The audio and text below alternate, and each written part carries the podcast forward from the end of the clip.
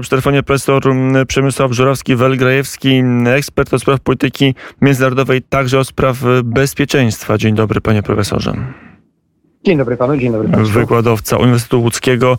E, dwie ważne sprawy do omówienia. Duże spotkanie e, prezydentów Stanów i Rosji, ale my od spraw być może mniejszego kalibru zacznijmy. Wyciek maili to pana profesora niepokoi? To jest element wojny hybrydowej, czy po prostu niefrasobliwość polskich urzędników i działalność naszych prywatnych, własnych hakerów? Myślę, że wszystkie te czynniki się jakoś na to składają, ale oczywiście istotą zagrożenia jest y, działalność służb obcych ze wskazaniem na rosyjskie. Y, nie ma absolutnie szczelnego systemu, y, natomiast zarówno tempo reakcji na, czyli wykrywanie prób włamań, jak i skala zabezpieczeń to jest ten obszar, w którym nieustannie trzeba y, cały ten system poprawić. No ale ja tu muszę się zastrzec, że nie jestem specjalistą od systemów zabezpieczeń cybernetycznych, ani od wojny cybernetycznej. Ale jest pan ekspertem, jeżeli chodzi o politykę zagraniczną, jeśli chodzi o politykę Rosji, a wydaje się, że w polityce zagranicznej Rosja bardzo umiejętnie miesza tradycyjną dyplomację e, z elementami wojny hybrydowej. No, z całą pewnością właśnie w wymiarze cyberprzestrzeni pierwszy raz mieliśmy do czynienia z atakiem e, hakerskim na e, strony instytucji rządowych w Estonii w 2007 roku w czasie słynnej wojny o pomnik brązowego żołnierza. To był zresztą powód, dla którego e, Sojusz Północnoatlantycki uznał cyberprzestrzeń za obszar swojej odpowiedzialności. Powstał jakby kolejny wymiar konfrontacji i stworzył w Tallinie centrum do walki z tym wyzwaniem. Y, to jest element powtarzający się od dłuższego czasu. Nie dalej jak w 2015 roku mieliśmy y, atak hakerski na Bundestag, a teraz w marcu y, powtórzony też na Bundestag i na parlamenty landów w Republice Federalnej. Podobnie w Kalifornii z kolei na instalację, firmę zarządzającą instalacjami energetycznymi wcześniej zapewne na gazociąg też w Stanach Zjednoczonych. To są wszystko y, elementy owej wojny hybrydowej, a przez zakłócanie systemów, y, czy to zakłócanie systemu monitorowania bezpieczeństwa ruchu kolejowego, lotniczego, czy monitorowanie bezpieczeństwa w elektrowniach jądrowych, można wywoływać skutki porównywalne do uderzeń kinetycznych, czyli śmierć ludzi. Tak? Jest w końcu obojętne, czy samolot zostanie zestrzelony, czy zderzy się z innym samolotem, bo będzie źle kierowany przez zakłócanie systemu. Y, więc y, w tym sensie jest to bardzo groźna broń. I teraz o tej broni pewnie rozmawiają albo już skończyli rozmawiać e, prezydenci Stanów i Rosji. To ostatni punkt w europejskiej podróży e, Joe Bidena. Czego pan się spodziewa po tym spotkaniu? Spotkanie w Genewie, wszyscy już szukają analogii między tym spotkaniem dzisiejszym, a tym z roku 85, kiedy w Genewie spotkał się prezydent Reagan z Gorbaczowem. Wtedy doszło do rozmontowania bloku Wschodniego. Co wyniknie z tego spotkania? No aż takich bym nie wiązał z tym nadziei. E, ani Putin nie jest Gorbaczowem, ani prezydent Biden nie jest prezydentem Reaganem e, i Rosja nie jest w kondycji ówczesnego Związku Sowieckiego. E, myślę, że niestety sytuacja będzie znacznie bardziej prozaiczna, a jednocześnie bez dobrych informacji. Wiemy, co będzie oficjalnym przedmiotem rozmów. Być może nie, nie wyłącznie to, ale y, te tematy, które zostały podane, to y, współpraca w zakresie y, kwestii klimatycznych, walki z globalnym ociepleniem, zwalczanie terroryzmu międzynarodowego, tak jak gdyby zamachy na składy amunicji w Czechach i w Bułgarii nie były dziełem Rosji, tylko nie wiadomo kogo, a były to przecież sensu stricte zamachy terrorystyczne, także terroryzmu państwowego. Y, także y, kwestie y, zwalczania COVID-u. Tego nie należy odbierać dosłownie, moim zdaniem. Jest to raczej instrument wysłania do Rosji informacji politycznej, że Stany Zjednoczone poszukują płaszczyzn współpracy. Mniejsza o to jaki. Czy to będzie COVID, czy to będzie klimat, czy terroryzm. Chodzi o to, żeby zakomunikować, że oto istnieje w Waszyngtonie wola współpracy z Rosją i jeśli znajdą płaszczyznę tej współpracy, to płaszczyzna zostanie podjęta. To oczywiście też jest jedynie pewien poziom instrumentalny, bo istotą jest przecież to, żeby Rosja nie odciągała sił amerykańskich poprzez tworzenie jakichś konfliktów w Europie, gdy te siły są potrzebne do konfrontacji z Chinami. I ta nadzieja główna przyświęcająca dyplomacji amerykańskiej sądzę, że nie zostanie spełniona.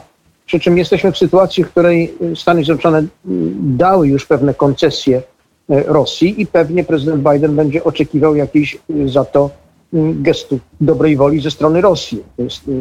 Prezydent Biden natychmiast niemalże po przejęciu władzy podpisał zgodę na przedłużenie układu New Start o kontroli strategicznych zbrojeń jądrowych. To była jedna z jego pierwszych decyzji, e, na co nie chciał się zgodzić prezydent Trump e, bez rosyjskich ustępstw w zakresie objęcia układem także pocisków średniego zasięgu, których Rosja ma przewagę w Europie i bez uwzględnienia potencjału chińskiego.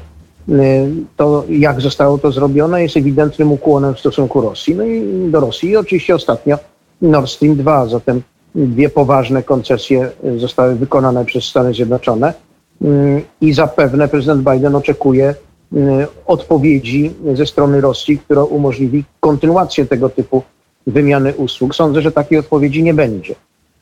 Więc myślę, że rozmowy nie, nie zakończą się w jakiś, nazwijmy to, konstruktywny sposób.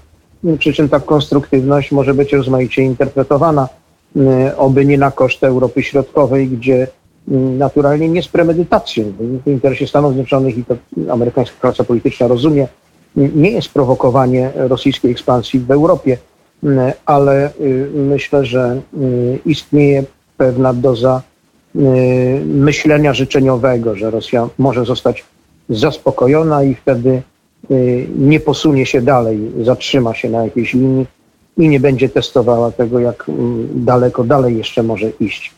Mm, tak nie będzie, więc raczej jestem pesymistą co do wyniku tych rozmów, co nie znaczy, że się dowiemy o tym dzisiaj wieczorem. Tak? To będą raczej odłożone skutki. E, I e, jest pytanie, jakie będą skutki dla naszego regionu. Zastanawiam się, na ile rzeczywiście Joe Biden zmienia politykę bezpieczeństwa e, Stanów Zjednoczonych. Pojawiały się przed tym tournée, przed tą, przed tą podróżą Joe Bidena do Europy różne analizy. Jeden z think tanków amerykańskich nawet sugerował, że może warto ograniczyć obecność amerykańskich żołnierzy w Europie, żeby skoncentrować siły na innych odcinkach globalnej rywalizacji, zwłaszcza z Chinami. Te chyba najczarniejsze scenariusze się na razie nie sprawdzają. Nie, nie widzimy drugiego resetu w relacjach z Rosją ze strony Waszyngtonu. I tak, i nie. No, te rzeczy, na które wskazałem, czyli te dwa ustępstwa już uczynione na rzecz Rosji, są jednak y, realnym, namacalnym dowodem poszukiwania jakiejś formy zbliżenia. Natomiast y, Stany Zjednoczone są poważnym państwem, związane są umowami międzynarodowymi, które w tradycji anglosaskiej są szanowane. E, mamy umowę z 15 e, sierpnia zeszłego roku o umowę wojskową między Polską a Stanami Zjednoczonymi, ratyfikowaną w odróżnieniu od dawnej umowy, tej jeszcze za prezydenta Busha, a nie podjętej przez Obamy o tarczy antyrakietowej, którą wówczas rząd polski Platformy nie ratyfikował.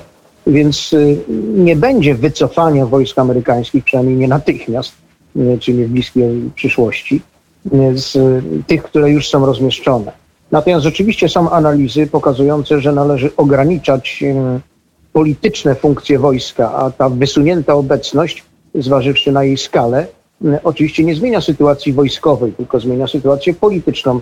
Chroni kraje, w których stacjonują żołnierze amerykańscy, E, poprzez uzmysłowienie agresorowi, że e, atak na takie państwo oznacza wejście w kontakt ogniowy z wojskiem amerykańskim, które oczywiście ten drobny kontyngent w danym kraju będzie rozbity, no ale później czeka wojna ze Stanami Zjednoczonymi. I w tym sensie politycznym zatem e, jest to odstraszanie przy użyciu instrumentarium wojskowego. I tak pojawiły się głosy, że ten rodzaj odstraszania trzeba ograniczyć, a skoncentrować te wojska i koszty zaoszczędzone E, przez ich wycofanie, e, zużyć te środki na konfrontację z Chinami. To nie jest nowa polityka, w tym sensie, że prezydent Trump również taką prowadził, tylko opartą na zasadę, na zasadzie wsparcia dla wiodących sojuszników regionalnych, dla Japonii i Korei Południowej na Dalekim Wschodzie. Japonia została, z, zasugerowano jej skutecznie żeby zmieniła konstytucję i siły samoobrony przekształciła w regularną armię i przejęła część ciężarów. Mm, podobnie Korea Południowa, były na nią naciski publiczne przecież, żeby przejęła koszty y, manewrów amerykańsko-południowo-koreańskich mm, i tak dalej. Tajwan, y, Filipiny w Europie mm, takim y, państwem, które miałoby przejąć część ciężarów od Stanów Zjednoczonych, wymarzonym państwem, są oczywiście Niemcy z racji ich potencjału. Tylko, że Niemcy nie chcą, y, ani nie chcą uczestniczyć w konfrontacji z Rosją w obronie Europy Środkowej, choćby politycznej. To ostatnio widzieliśmy, Heiko Maas odmówił sprzedaży broni Ukrainie, y, pomimo że Nord Stream 2 y, poprzez odjęcie od kosztów ewentualnej rosyjskiej agresji na Ukrainę, kosztów polegających na utracie przez Rosję dochodów z, z, ze sprzedaży gazu Y, głównie Niemcom, no, Europie w ogóle, y, gazu, y, który jest tłoczony przez terytorium Ukrainy, bo ten gaz pójdzie przez Bałtyk, tak, przez Nord Stream 2. A oczywiście, że działania wojenne przerwałyby ten tranzyt. Więc Niemcy z jednej strony otwierają Rosji drogę do agresji na Ukrainę, a z drugiej strony odmawiają sprzedaży broni Ukrainie. Właśnie w obawie przed konfrontacją z Rosją przecież. Y, nie podejmą za tej, tej roli y, stabilizatora. Oczywiście będą opowiadać, że tak, y, ale faktycznie tego nie wykonają. I prezydent Trump to rozumiał. Wydaje się, że prezydent Biden zgodnie zresztą z długą tradycją amerykańską, trzeba pamiętać, że Stany Zjednoczone, dla Stanów Zjednoczonych Niemcy były głównym sojusznikiem na kontynencie europejskim, nie mówimy oczywiście o Wielkiej Brytanii, w Europie po przystąpieniu do NATO po 1955 roku.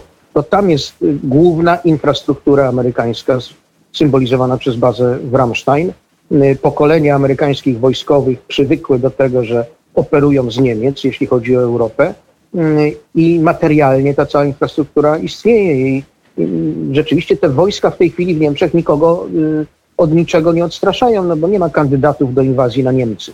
I one zatem w sensie politycznym powinny stacjonować w państwach bałtyckich, Polsce czy Rumunii. No ale infrastruktura jest gdzie indziej i stąd ta skłonność polityczna do stawiania na Niemcy, które bardzo by się przydały w rywalizacji z Chinami, bo ich wpływ w Unii Europejskiej byłby rozstrzygający, ale tu widzieliśmy, co się działo w grudniu. Niemcy, korzystając z kryzysu przekazywania władzy w Stanach Zjednoczonych, gdy Amerykanie nie mogli szybko reagować, parły do porozumienia Unia Europejska-Chiny.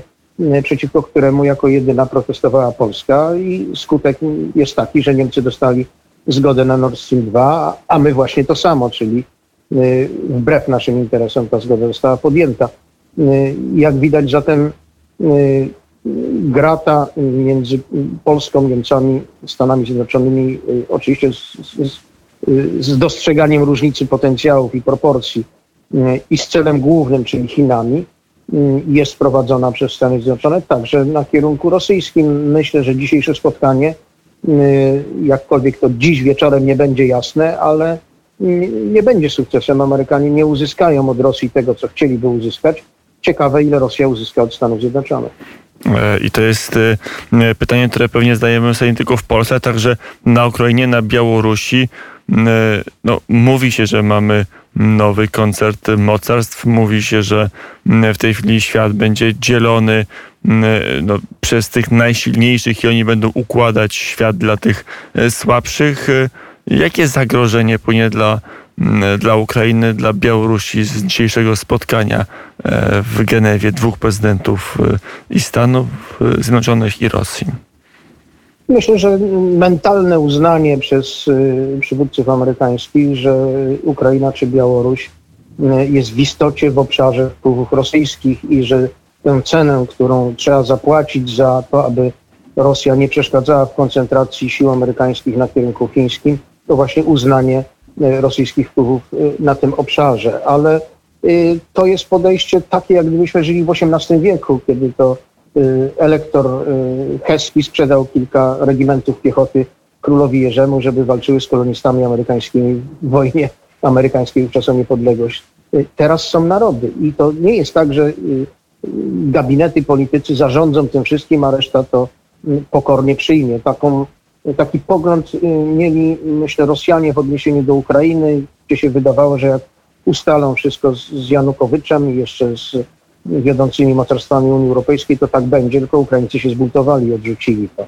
E, podobnie jest teraz i do, wobec Ukrainy i wobec Białorusi, gdzie zmiany mentalne są stosunkowo szybkie, jak na historyczny wymiar czasu i głębokie i postępują one, się nie zatrzymają bez masowych zbrodni typu stalinowskiego, totalitarnych.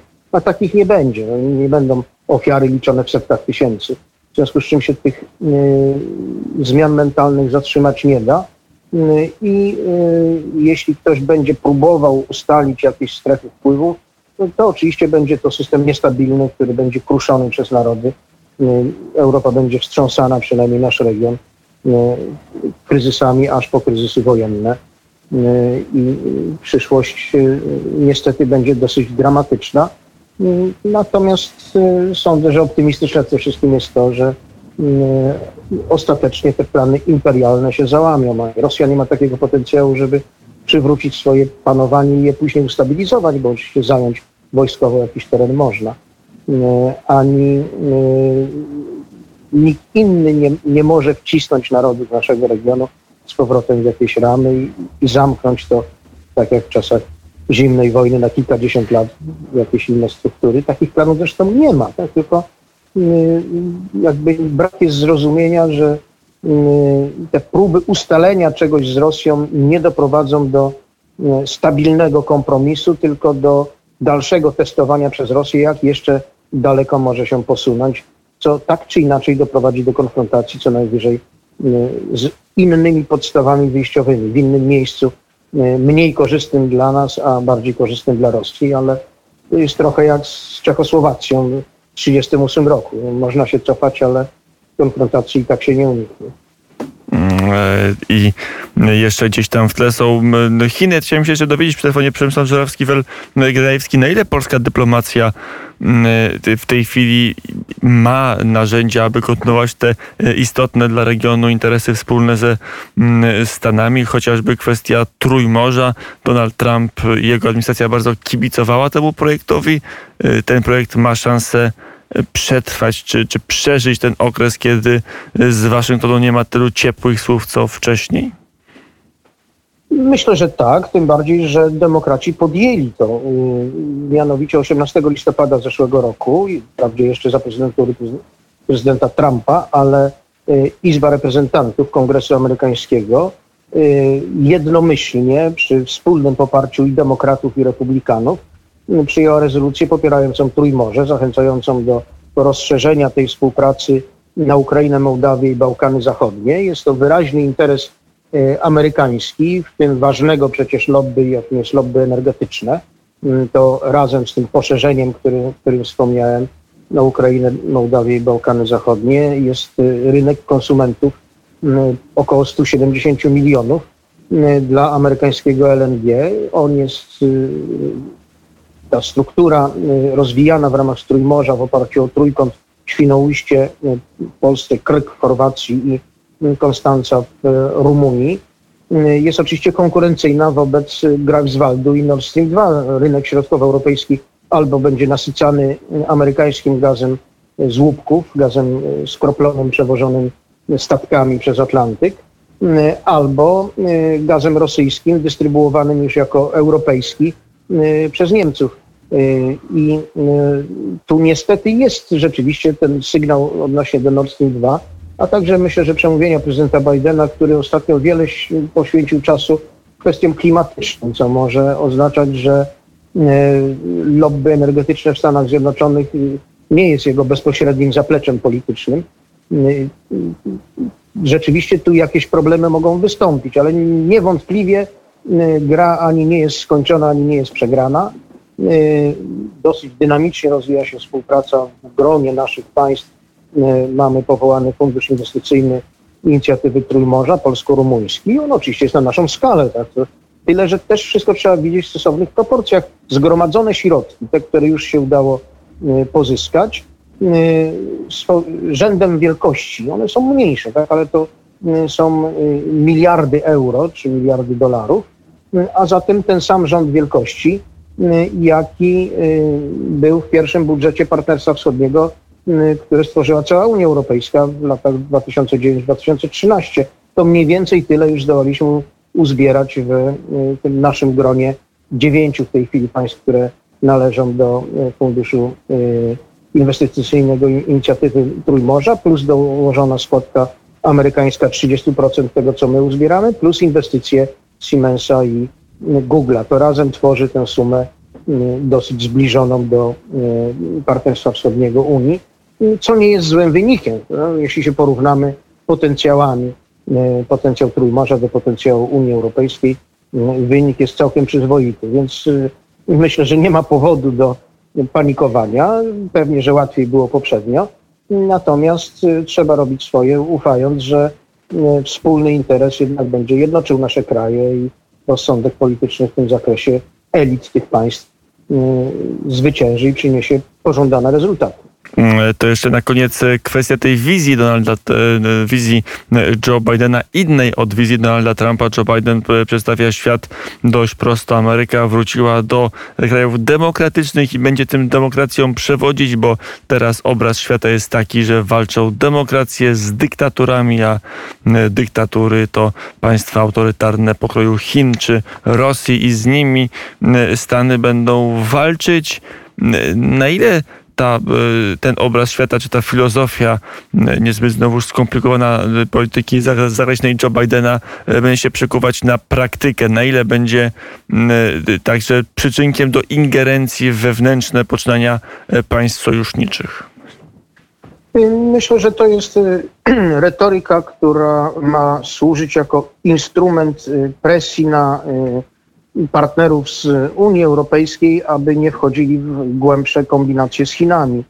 Mm, w tym rozumieniu Chiny będą portretowane słusznie, tak jako państwo totalitarne y, i porozumienia z nim demokratycznych państw y, europejskich, sojuszników Stanów Zjednoczonych y, będą piętnowane jako zdrada wartości. To pobrzmiewało już w Monachium w czasie konferencji bezpieczeństwa z niezbyt zachęcającym skutkiem, bo to przede wszystkim jest przesłanie skierowane do Niemiec czy do wiodących państw Unii Europejskiej, czy chodzi o nieprzyjmowanie technologii 5G na przykład, tak, tych chińskich, które zagrażają systemom elektronicznym, komunikacyjnym w ramach również Sojuszu Północnoatlantyckiego. Y, ta retoryka będzie oczywiście stosowana. Ona będzie miała jakieś tam odpryski lokalne, które będą pewnie ozdobnikami, y, ale przede wszystkim chodzi o y, właśnie konfrontację z Chinami, o to, aby skłonić Niemcy, a przez Niemcy całą Unię Europejską do tego, żeby stanęły u boku Stanów Zjednoczonych w tej konfrontacji. To nie nastąpi. Niemcy potrzebują rynków zbytu. Południe strefy euro jest potwornie zadłużone po trzecim kryzysie, pierwszym kryzysie finansów, którego symbolem jest Grecja, później kryzysie imigracyjnym, teraz covidowym. Wszystkie one najmocniej dotknęły właśnie południa. E, siła nabywcza tego obszaru będzie e, spadać e, i rynek chiński, prawdziwy czy wyobrażony, bo przecież jak się chwilę zastanowimy, to wszyscy uznamy, że wszyscy mają deficyt handlowy z Chinami i Chiny są świetnym eksporterem, a nie świetnym importerem. E, ale robią wrażenie, tak, miliard trzysta milionów ludności, e, to e, przynajmniej w wyobraźni społecznej wyborców jest potężny rynek, a wiadomo, że we wrześniu mamy wybory w Niemczech i trzeba pokazać, jak bardzo politycy starają się o jego zdobycie. Więc ten cel determinujący to, kto będzie rządził w Niemczech, jest oczywiście ważniejszy dla niemieckiej klasy politycznej niż relacje z Joe Bidenem i myślę, że nie będzie solidarności w zakresie e, relacji z Chinami. E, Francja z kolei bardzo jest skoncentrowana na południu, na Afryce, na basenie Morza Śródziemnego z uwagi na e, nielegalną imigrację. Oczekuje raczej wsparcia ze Stanów Zjednoczonych, a nie własnego udziału w przedsięwzięciach amerykańskich. Tego wsparcia nie dostanie, no bo Amerykanie właśnie się koncentrują na priorytecie chińskim. W związku z czym, mimo tej całej retoryki jedności obozu demokratycznego, na świecie w konfrontacji z totalitaryzmami czy autorytaryzmami. Sądzę, że konkretne priorytety narodowe w sytuacji, w której też to powiedzmy wszyscy wszystkim życzą wszystkiego najlepszego. Tak? My życzymy, czy Niemcy życzą Amerykanom sukcesu pewnie w rywalizacji ze Stanami, a, a Francuzi również i Amerykanie Francuzom też wszystkiego najlepszego w Afryce. Mm, ale to nie znaczy, że są nawzajem gotowi wydawać swoje zasoby czy zmieniać swoje priorytety, tak żeby dostosować się do mm, priorytetów mm, tych drugich. I tu niestety byłbym pesymistą w zakresie zdolności do skonsolidowania Zachodu w takim sensie, w jakim to istniało w czasie zimnej wojny. E, I ostatnie pytanie o rolę Polski. Przedstawienie profesor Przemysław Żalski-Welgrajewski, ekspert spraw polityki zagranicznej. Jak teraz polska władza ma kreować czy prowadzić swoją politykę zagraniczną, bo Mm, no nie jest, jak pan profesor już powiedział, nie jest tak łatwo, jak było za Donalda Trumpa. Był, było pewne okienko możliwości wykorzystać spór między Berlinem a, a Waszyngtonem, żeby trochę podnieść rangę naszego regionu. Teraz trzeba będzie się y, szybko, co już się trochę dzieje, godzić z Berlinem i, i prowadzić politykę zagraniczną w, w bardziej w oparciu o, o Unię Europejską, o, o kraje europejskie. Nie sądzę, żeby to takie proste recepty były, bo przecież celem jest osiąganie y, zamierzonych rezultatów, a nie y, pozostawanie w takim czy w innym bloku. Y, jeśli zatem Unia Europejska w naszych relacjach z Rosją symbolizowana jest przez wizytę Borela w Moskwie, no to nie jest to obraz zachęcający. Jeśli główny nurt symbolizowany jest przez Nord Stream 2 niemiecki i przez francuskie nawoływania do Y, porozumienia z Rosją, y, to też trudno powiedzieć, że wobec y, obniżenia skali wagi polskiej w Waszyngtonie mamy inną opcję i przejdziemy teraz do polityki obliczonej na te właśnie centra europejskie. To zależy od tego, do czego one będą dążyły i czy te cele będą zbieżne z naszymi. Na razie myślę, że możemy odnotować pierwszy sukces, znając jego rozmiary wbrew temu, co twierdzi nasza opozycja, mm, że było to wypłakiwanie się w mediach. Y, wyraźny sygnał niezadowolenia Polski z postępowania Stanów Zjednoczonych, jaki został e, wysłany przez mm, pana ministra Rała w wywiadzie, gdy wskazał, że dyplomacja amerykańska zaniedbała konsultacji nie tylko z Polską, ale też z państwami bałtyckimi i Rumunią.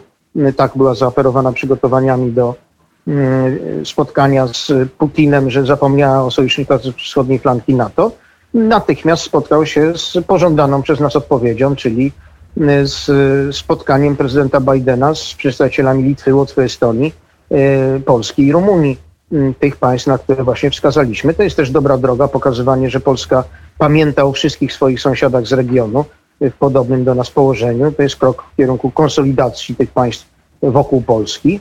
My oczywiście nie znamy szczegółów co do tego, na ile te rozmowy były kurtuazyjne, a na ile były y, praktyczne. Y, myślę, że także uchwała Sejmu, która wczoraj miała miejsce, a dotyczy Nord Stream 2, jest wyraźnym sygnałem wysłanym z kolei do Kijowa. Jeśli się wczytamy w jej treść, to widać wyraźnie, że jest to deklaracja zrozumienia przez Polskę faktu, że oto państwo, na które dotąd Ukraina przez ostatnich parę lat, przed 2019 przynajmniej, za czasów prezydenta Poroszenki się orientowała, czyli Niemcy, promując Nord Stream 2, wystąpiły w roli zagrożenia, a Polska y, wiernego sojusznika, który z tym zagrożeniem walczy. To tam też jest dostrzegane. Y, myślę zatem, że te kierunki, które wymieniłem, dodajmy do tego ożywiony dialog w trilogu polsko-rumuńsko E, tureckim. E, będzie e, też wkrótce, myślę, nowa platforma współpracy polsko-ukraińsko-tureckiej. To są wszystko elementy, żaden z nich sam w sobie nie rozstrzygał niczym, ale zebrane razem, łącznie z oczywiście jak najbardziej istotnymi relacjami przede wszystkim ze Stanami Zjednoczonymi, bo mówimy o zagrożeniu militarnym ze strony Rosji to, co się dzieje w stosunku do Nord Stream 2, jest zapraszaniem Rosji do wielkoskalowej inwazji na Ukrainę, e, czyli do wojny u granic Polski. E, I e, trzeba pamiętać, że to zagrożenie jest bardzo poważne i się do niego przygotowywać. Sądzę także, że kierunek skandynawski jest bardzo obiecujący. zarówno Finlandia, jak i Szwecja, jak i Dania i Norwegia z rozmaitych powodów, czy to rosyjskich manewrów, które zresztą w tym roku będą znów prowadzone, manewrów Zapad, co dwa lata się odbywających, w ramach których armia rosyjska trenuje zdobywanie fińskiego archipelagu alandzkiego, y, Bornholmu duńskiego i Gotlandii szwedzkiej. Y, Norwegia ma swoje problemy z Rosją w Arktyce. To są państwa Starego Zachodu, których opinie są słuchane inaczej niż opinie polskie czy państw bałtyckich y, i których pogląd na naturę zagrożenia rosyjskiego jest zbliżony do naszego. Podobnie relacje z Wielką Brytanią. Y, Jest bardzo wiele instrumentów, na których można grać, aż po y, świeże stosunkowo doświadczenie Hiszpanii z rosyjskim wsparciem dla separatyzmu katalońskiego. Y, Tamte klasy polityczne też się uczą, tak? zapominają, ale się i uczą. Należy to im przypominać, należy pokazywać, na czym to zagrożenie polega i y, uzyskiwać stosowne do tego y, reakcje z innych stolic. To wszystko, cała gra jest w toku i y, mamy wiele instrumentów oddziaływania. Mm, Powiedział profesor Przemysław Żurawski-Welgrajewski, ekspert od polityki zagranicznej, mm, politolog wykładający m.in. na Uniwersytecie Łódzkim. Panie profesorze, bardzo serdecznie dziękuję za rozmowę. Dziękuję bardzo.